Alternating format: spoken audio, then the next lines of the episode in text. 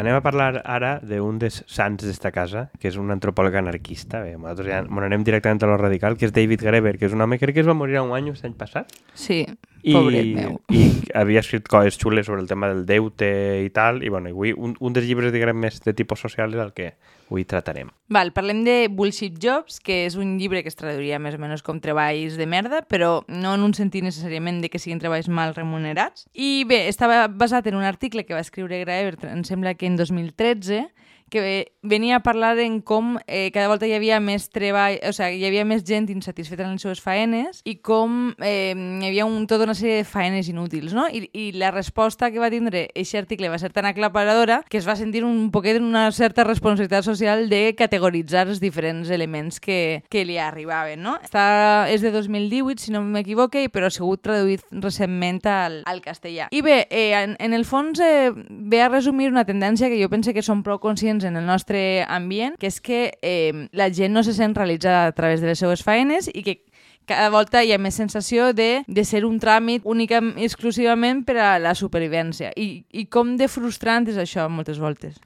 Sí, a veure, en aquest cas, ell normalment, per això que diem de la remuneració, no, no es tracta només de que, de que tu a lo millor tens una feina, pues, jo què sé, de, de cambrer o d'obrer o coses així, que està mal pagar, però almenys tu tens la sensació d'estar fent alguna és a dir, estàs servint menjars o estàs construint coses.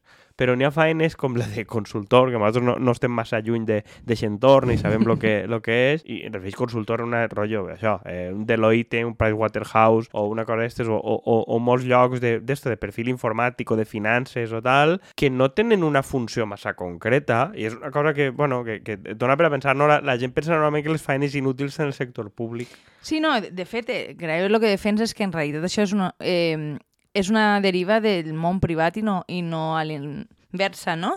I que, de fet, és, eh, ell ho relaciona molt en el tema de l'automatització de faenes, diu que eixa automatització sí que havia resultat en pèrdua de faenes, però en compte d'anar-se'n al paro el que s'havien fet era generar faenes que omplien certs buits però que realment no aportaven res al, al comú, no?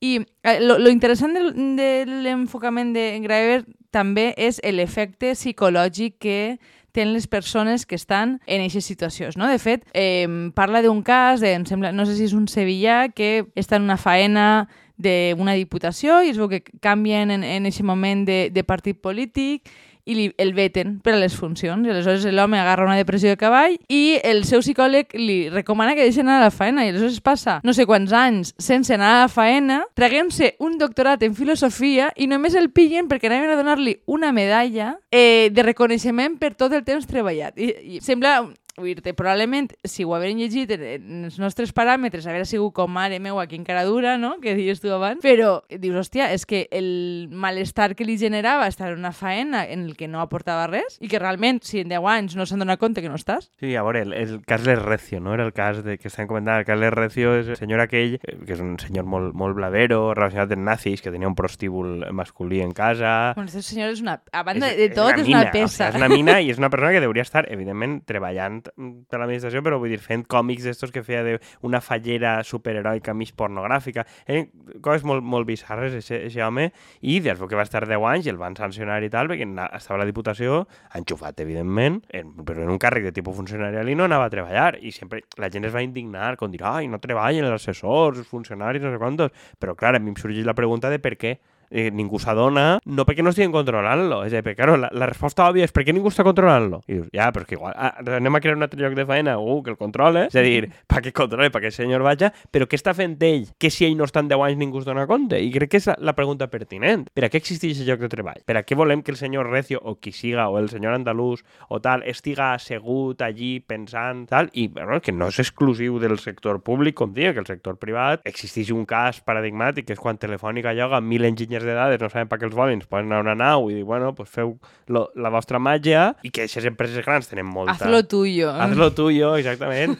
Però també, no? Vull dir, un cas que tu has comentat alguna volta, que era en la Ford. En la Ford, eh, a, a mesura que han estat més prou del, del tancament i han tirat a més treballadors que produïen cotxes, s'han multiplicat les persones de, diguem, que es dediquen a controlar i que no ten, i a passejar-se pels passillos sense tindre una, una faena fixa. Clar, normalment quan, quan elimines llocs de treball industrial, no? lo, lo, lo progre d'alguna manera és dir que els mantindràs en llocs de treball de gestió, però és que igual És Però una... què estàs gestionant? Clar, és una empresa que probablement pues, fabriques coses. Però anem a veure, si deixes de produir coses, què gestiones? Què cony gestiones? Però, clar, és, és una milonga que mos han venut, de, de treballs de més valor afegit. I més valor afegit al final significa que no has de callar el llom, suposa. Vull dir, que té... Lo qual igual no necessàriament és, no és negatiu, però hauria de tindre algun sentit darrere.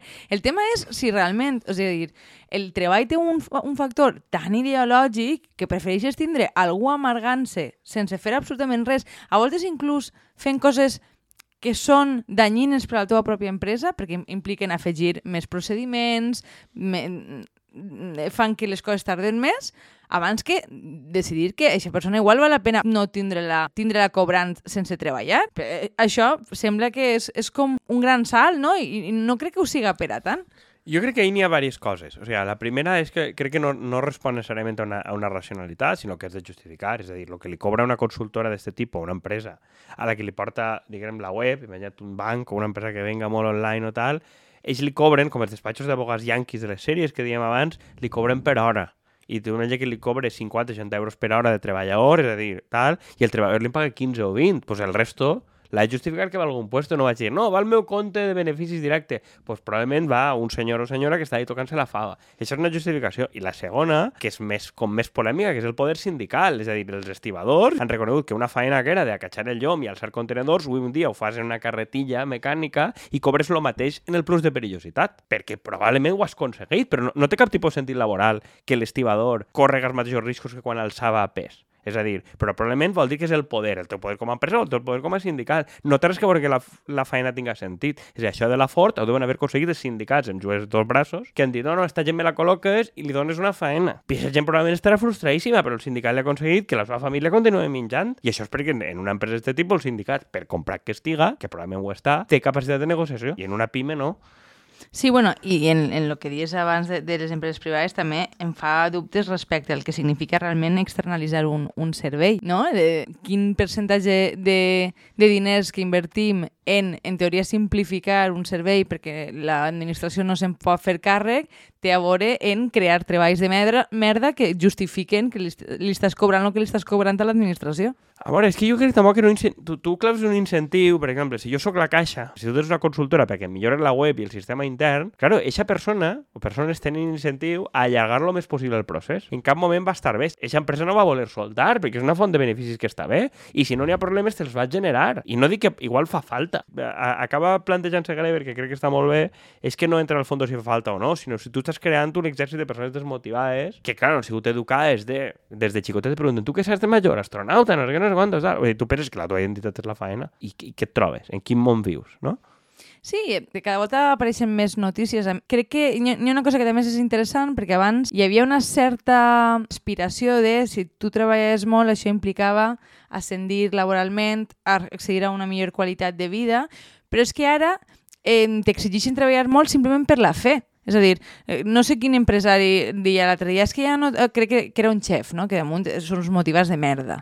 Que, eh, bueno, des de sí odia pràcticament tots els xefs Michelin, o sigui, em uns subnormals increïbles, però damunt en el tema de l'explotació laboral, com ells es creuen artistes, o sigui, estan dient, no, és que ja, o sigui, no es pot contratar a ningú sense que et pregunte si lliuraràs o quan cobres. No, home, no, ho faré per fer-te un favor i perquè eres una superestrella. És a dir, té un contingut tan ideològic que ara mateix si t'exigeix sense realment cap perspectiva de que pugues millorar la teua vida, que treballes simplement pel goig de treballar, possiblement ni tan sols estàs aportant res. A veure, és que si ho penses, eh, el, el tema de la cuina i, el, i els Michelin és per a fer no un programa especial, sinó 15. Realment tens un sistema que, no, que El només... farem és- des d'un restaurant. De- Sí, exactament, el restaurant que, que financia això, que no vulga Michelin. És gent que viu en les mateixes condicions, és a dir, viu a canvi de l'allotjament i algo de menjar que en una plantació de cotó d'Alabama en 1840. És el mateix, és gent que la majoria no cobren un sou, molts perquè són interns, no sé quantos, i s'entén com normal. I, claro, com tu vas ser esclau de jove, els altres han de ser esclaus darrere. Però és que si li pagues a aquests treballadors, un Michelin valdria 800, 900, 1.000 euros el menú, no aniria ningú, que el que dius, ser artista i, i l'artesania, en, com, en què s'ha pervertit. No? Sí, de, de fet, és que paradògicament la feina de cuiner, és a dir, en unes condicions ideals, és una, una feina que, que la gent se sent més eh, respectada i té més prestigi que, i, i, i les feines en general vinculades en l'artesania, fa la sensació que, que les persones tenen una relació en la feina en, probablement vinculada al producte, no? De, que tu veus una traducció de la teua inversió d'hores en algo, en algo útil, no sé si és la paraula, però per lo menos sents que ja que, que crees algo, que generes algo, no? I que no és fum, no com nosaltres, que ens passem el dia venent fum. De venent fum.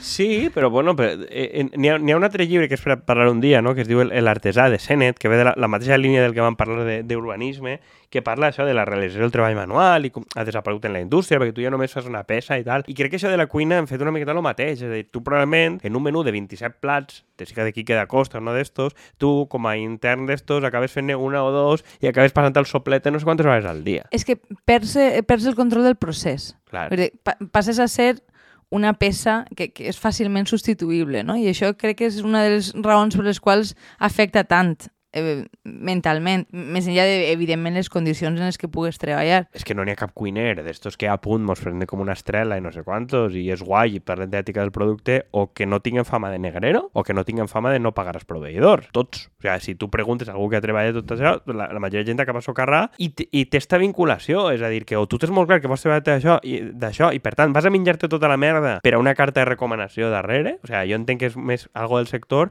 i que sí, que suposa que aprendran, però que fins i tot aquest tipus de feines les pots convertir en un treball de merda, no? Sí, bueno, crec que qualsevol cosa que trossetges... Que, crec que, eh, bueno, eh, de fet, sembla que eh, Sennett, en el llibre que vam eh, mencionar l'altre dia, em sembla que parlava de gent que treballa en un forn, no? Com, com el fet de tecnificar un forn no necessàriament implicava que la gent perdera l'orgull de treballar en un forn, sinó que si tu eres capaç d'entendre com funcionen les màquines i fer diferents coses, la teua sensació de que seguies creant o sea, no, no deixaves de ser un creador si, per a ser una màquina i això, i això penso que és molt interessant per a, per a parlar durant dies i dies. Vamos, este, és un, este sí que és un dels meus temes fetitxe, em sembla super interessant. Tinc 50 temes fetitxes. Sí, sí, n'hi ha- n'hi ha 50 i, i jo crec que no, no molts acabem. No, jo crec que està bé, sobretot perquè el que fa este llibre i el que, lo que fa este home, com feia al voltant del deute, que és per a parlar un dia, els economistes liberals l'odien molt, com font actiu i passiu, no sé quantos, i és com algo que fa deliberadament, de dir, no? carregar-me les idees en les categories habituals, tu penses sobre el treball i dius, però tu paguen? Sí, i, ah, pues si tu paguen, per què queixes, no? Entonces, crec que està bé com introduir la nova dimensió de, escolta, què, què significa per a tu i tal. I crec que és un llibre que està, que està xulo per ahí i que ens permet repensar em, coses, sobretot, ja dic, no només del sector públic, no? Sobre el que diem del, lo que diem del sector privat, perquè si vols fer algun tipus d'alternativa a l'economia, haurem de començar per dalt, més que per baix. Sí, bueno, jo, jo és que eh, quan pense en Graeber pense molt en, en la renda bàsica, bàsicament, i pense també molt en el sistema de serveis socials, no? I pel, pel que dia del, del el treball, que és una cosa molt ideològica, no? I que al final necessites demostrar eh, que per a qualsevol cosa són els pobres els que han de mos- demostrar que es mereixen aquesta ajuda, que han de treballar, que s'han d'esforçar, mentre que tens un percentatge de la població xicotet que porta vivint de rendes i fer un brot, eh, molts d'ells votants del PSOE, si, si no quedava clar, que vull dir que per a ells la, la, la renta bàsica ja existeix, vull dir, ells no han de fer res per a cobrar tots els mesos, i això, bueno, pues jo ho vull per mi també. Clar, però és que existia mateixa idea que en les beques, és a dir, les beques només per cobrar a un alumne que tinga bones notes. Va, va eixir fa poc, eixit en la ràdio, com una tesi que havia presentat un xic, crec que era andalús i tal, no? Que, com dia que l'autèntica beca era el fill del ric. La gran diferència del fill del ric no era l'èxit que podia pagar, sinó que podia fracassar més voltes. I això és un poquet el mateix, que el tema de que aquesta gent pot suspendre totes les voltes que vulgui i ningú va preguntar-li. Entonces tu només iguales de dir, no, vull que els millors arriben, no? Com vull que les millors dones arriben, no? Té dret a que n'hi hagi dones mediocres en tots els àmbits, no a que meritocràticament apleguen. Vull dir, jo crec que aquest és un tema que també que té... Sí, bueno, sobre qui té dret a fracassar en el sistema també mos dona per a moltíssims per programes. l'enfoque, no? L'enfoque és que no, és un poc bíblic, no? En el suor de la front treballaràs i et guanyaràs la vida, i un altre no es guanya la vida, doncs, bueno, no estem plantejant que si el ric no guanya, pues li anem a expropiar totes les cases que hagi heredat. I, i des d'aquest punt de vista també, el, el, quines conseqüències té el fet de generar un sistema d'ajudes basat en la desconfiança i en el fet de que hagis de, de comprovar sempre que no t'estan enganyant, en compte de confiar que la gent es gasta els diners en el que pot i en el, i en el que vol.